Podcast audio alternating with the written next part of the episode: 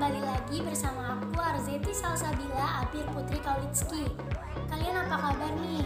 Di masa pandemi ini kita tetap harus menjaga protokol kesehatan ya dengan cara melakukan 3M, yaitu mencuci tangan pada air yang mengalir, menggunakan masker bila keluar rumah, dan menjaga jarak. Teman-teman, kalian kangen gak sih yang namanya berwisata? Eh, ngomong-ngomong tentang wisata nih, kali ini aku mau bahas topik tentang pariwisata loh, yaitu pendekatan atraksi sebagai pengembangan destinasi pariwisata. Dan kali ini narasumber kita tentunya orang yang sangat kredibel di bidang pariwisata. Dia merupakan duta daerah 2020 di Banyuwangi. Untuk narasumber saya persilakan untuk Uh, halo, perkenalkan nama saya Zausari Semaharani. Saya dari Universitas Erlangga, jurusan Psikologi angkatan tahun 2020. Kebetulan saya sekarang uh, jadi duta daerah Kabupaten Banyuwangi tahun 2020. Terima kasih. Wah, sangat keren ya. Berarti kalau misalnya kamu duta daerah, berarti kamu itu memperkenalkan eh, tempat-tempat uh, yang ada di daerah kamu. Benar gak sih kayak begitu? Benar, kurang lebih seperti itu. Berarti kamu memang narasumber yang kredibel ya di bidang pariwisata, bisa dibilang seperti itu. Nah, aku pengen langsung nanya aja nih ke pertanyaan pertama.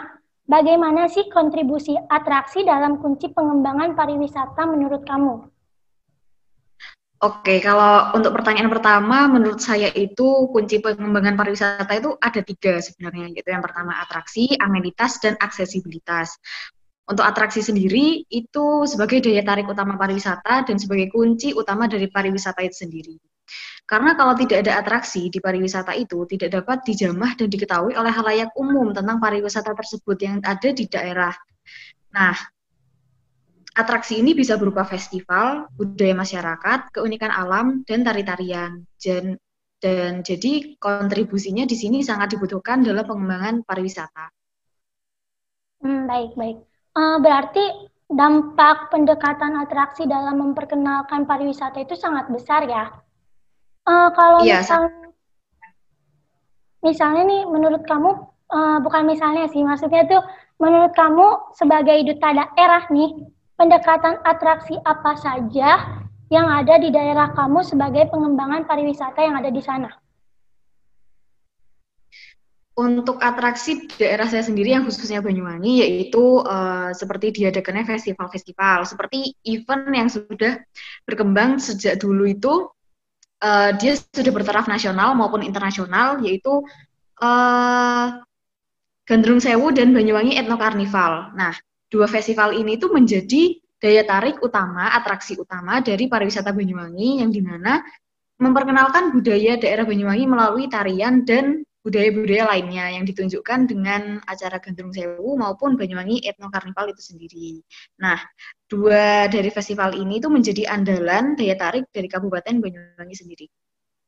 Hmm, yang menjadi ikon di sana itu apa ya? Yang menjadi ikon di Banyuwangi?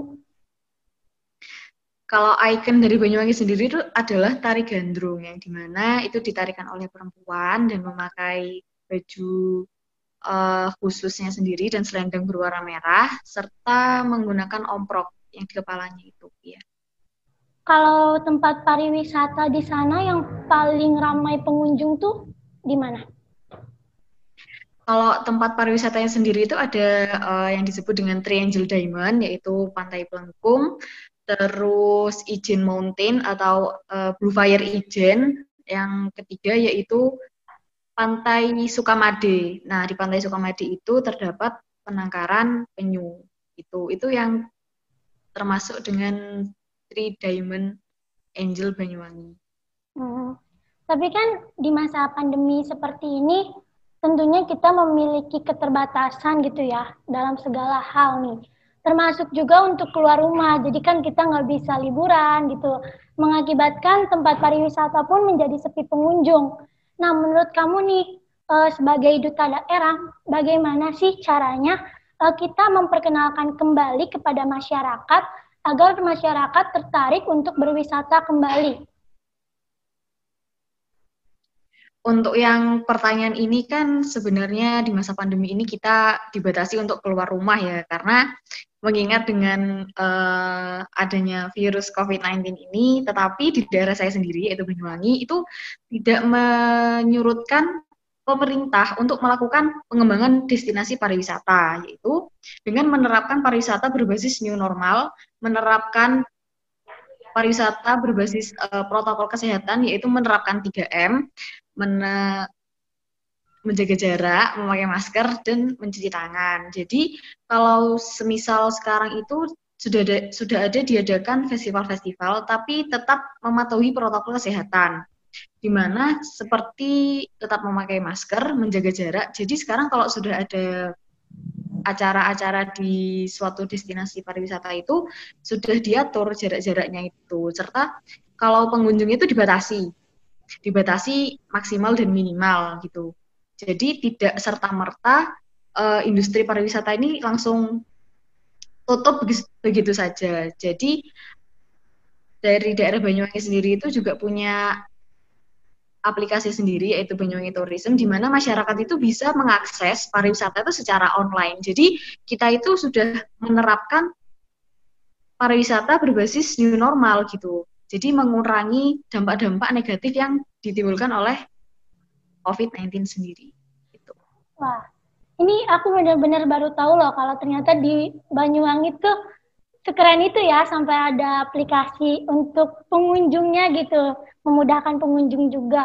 Uh, berarti di sana itu uh, tempat pariwisata tetap dibuka di masa pandemi, tetapi tetap mematuhi protokol kesehatan seperti itu ya? Iya benar. Uh, ngomong-ngomong nih tentang pandemi, kamu sendiri lagi sibuk apa sih di masa pandemi ini? Untuk di masa pandemi ini saya sedang sibuk ya yang pasti kuliah, tugas-tugas kuliah dan organisasi kalau untuk kesibukannya di duta daerah sendiri itu sebenarnya kita masih melakukan kegiatan-kegiatan tetapi ya dibatasi, tidak sesering dulu karena mengingat dengan adanya kondisi pandemi saat ini um, banyak festival-festival yang diundur sebenarnya kayak ya tetap ada cuman beberapa festival itu ditiadakan dengan mengingat itu menciptakan kerumunan dan masa yang lebih banyak gitu. Uh, apakah sudah ada rencana gitu kapan festivalnya akan dibuka kembali dan dilaksanakan kembali? Sudah ada rencana atau belum? Untuk rencana festival akan dibuka kembali itu sebenarnya kita tidak tahu sampai kapan karena desas-desus dari tahun 2021 yang katanya ada uh, pembukaan kembali itu untuk pengembangan destinasi pariwisata sendiri kita masih terus melakukan inovasi dengan adanya aplikasi tadi Banyuwangi Tourism itu sebenarnya sudah memudahkan kita untuk mengakses pariwisata secara online. Jadi kita tuh tahu bagaimana pengembangan pariwisata di Banyuwangi di mana sudah menerapkan protokol kesehatan Contohnya seperti hotel maupun restoran-restoran itu sudah menerapkan uh, pariwisata berbasis new normal gitu. Hmm, baik baik. Uh, aku mau nanya lagi nih, selain yang sudah kamu paparkan tadi ke aku, yang sudah kamu jelaskan ke aku, uh, selain itu bagaimana sih cara kamu sebagai duta daerah nih memperkenalkan tempat-tempat pariwisata yang ada di daerah kamu? Apakah kamu duta daerah terus kamu melakukan pendekatan secara individu atau bagaimana?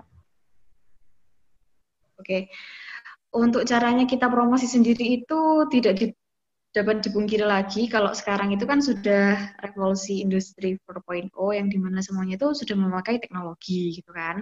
Kita itu melakukan promosi itu melalui uh, platform platform di media sosial seperti Instagram, YouTube gitu kan. Kita melakukan promosi dan branding tentang destinasi pariwisata sendiri itu melalui aplikasi-aplikasi di media sosial. Kan sekarang nggak cuman media sosial Instagram, YouTube, sekarang kan juga ada uh, aplikasi TikTok yang di mana kita tuh bisa share tentang keindahan alam Banyuwangi maupun keunikan budayanya yang tidak dimiliki oleh daerah lain itu dapat mengenalkannya lewat situ. Tapi kalau pendekatan melalui individu-individu itu bisa dilakukan juga ketika kita melakukan kolaborasi dengan pihak-pihak terkait yang bekerja sama dengan duta daerah, kita tetap melakukan promosi-promosi terkait destinasi pariwisata di Banyuwangi seperti itu. Kalau dari pendekatan atraksinya sendiri nih ya, menurut kamu eh, seberapa efektif sih pendekatan atraksi untuk mengembangkan destinasi pariwisata?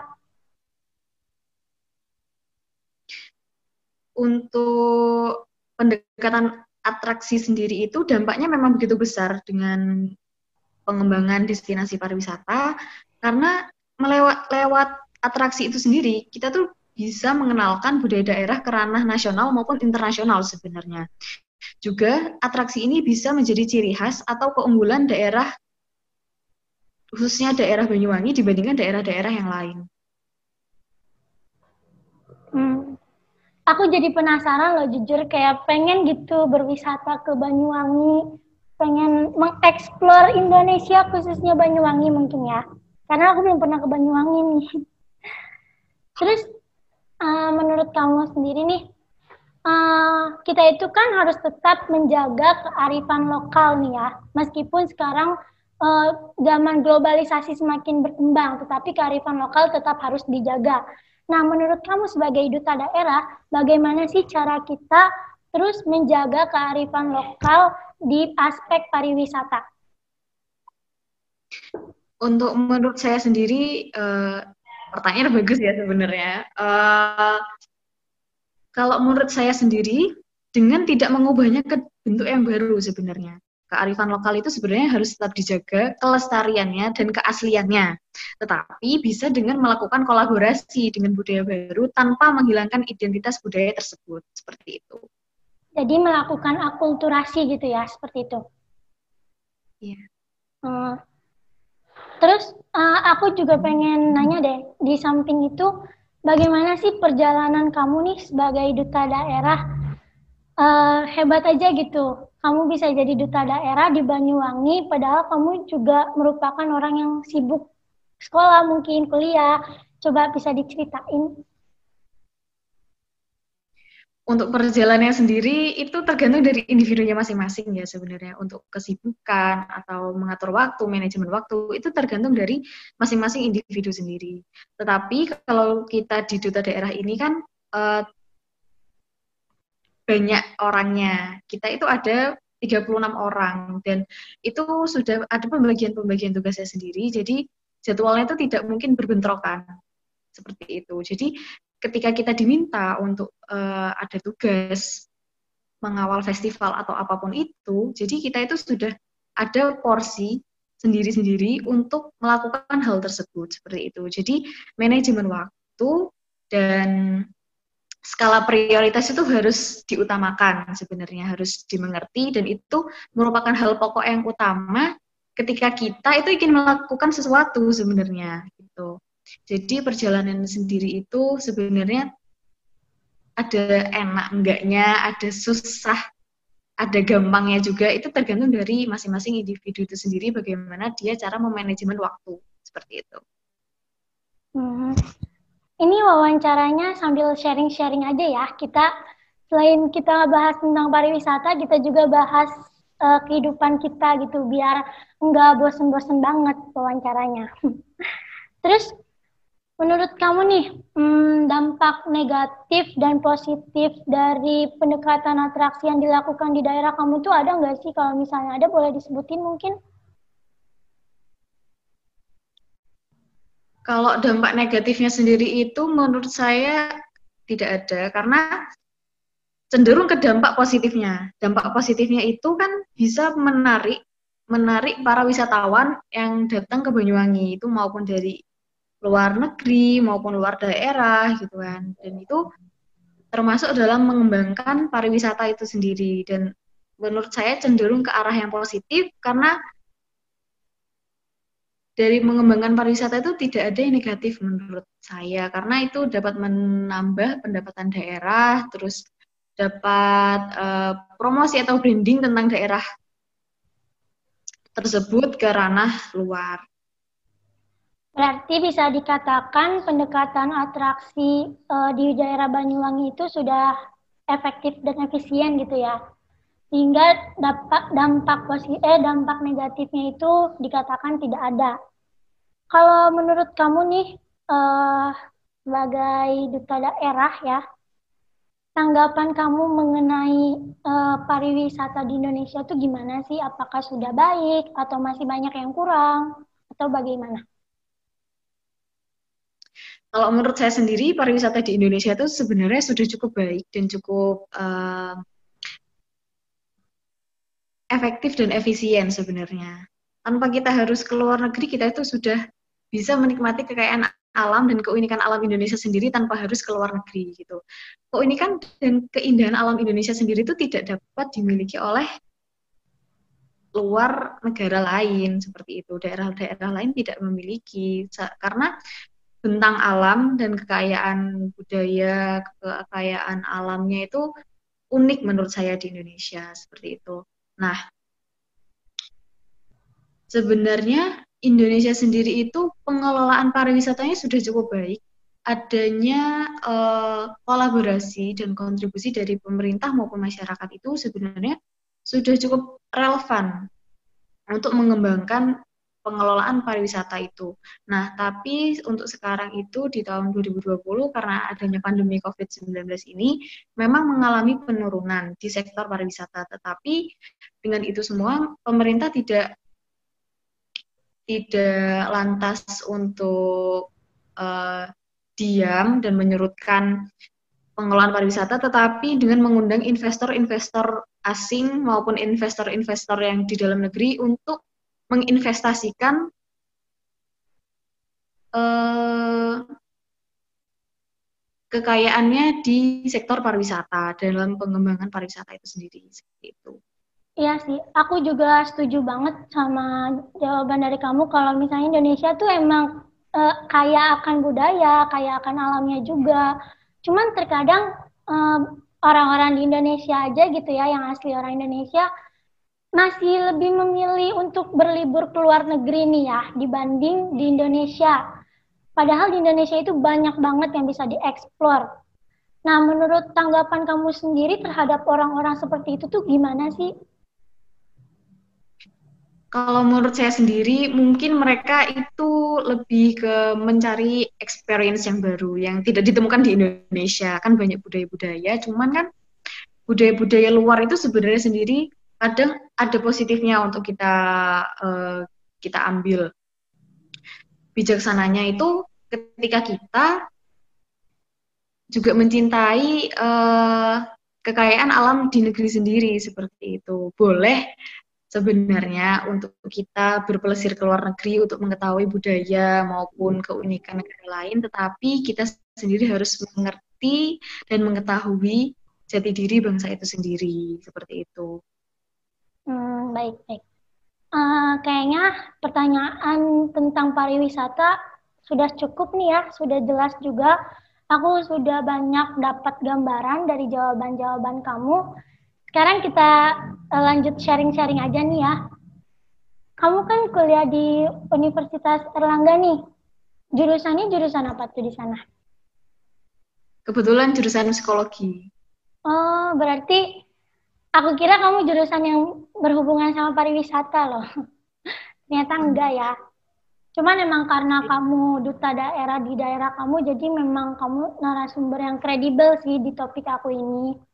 Terus aku mau nanya deh, kalau misalnya di Universitas Airlangga itu, kamu mengalami kesulitan-kesulitan apa di sana? Dalam pembelajaran daring tentunya ya. Oh, untuk pembelajaran daring sendiri itu kesulitannya mungkin sama seperti anak-anak lainnya ya karena kita kan uh, berbasis online. Jadi kadang jaringan jaringan sinyal terus um, komunikasi sebenarnya itu mudah cuman kadang-kadang sulit untuk dilakukan karena adanya keterbatasan-keterbatasan itu tadi sebenarnya. Kesulitannya sejauh ini untuk saya pribadi cuman itu Baik baik. Hmm, kalau begitu kayaknya kita cukupkan saja ya wawancara untuk hari ini. Terima kasih sudah meluangkan waktunya sekali lagi. Semoga apa yang sudah uh, kamu paparkan, apa yang sudah kamu berikan uh, bisa bermanfaat untuk kita semua karena apa yang kamu sampaikan adalah uh, sesuatu yang sangat informatif. Terima kasih sekali lagi. Wassalamualaikum warahmatullahi wabarakatuh. Waalaikumsalam warahmatullahi wabarakatuh.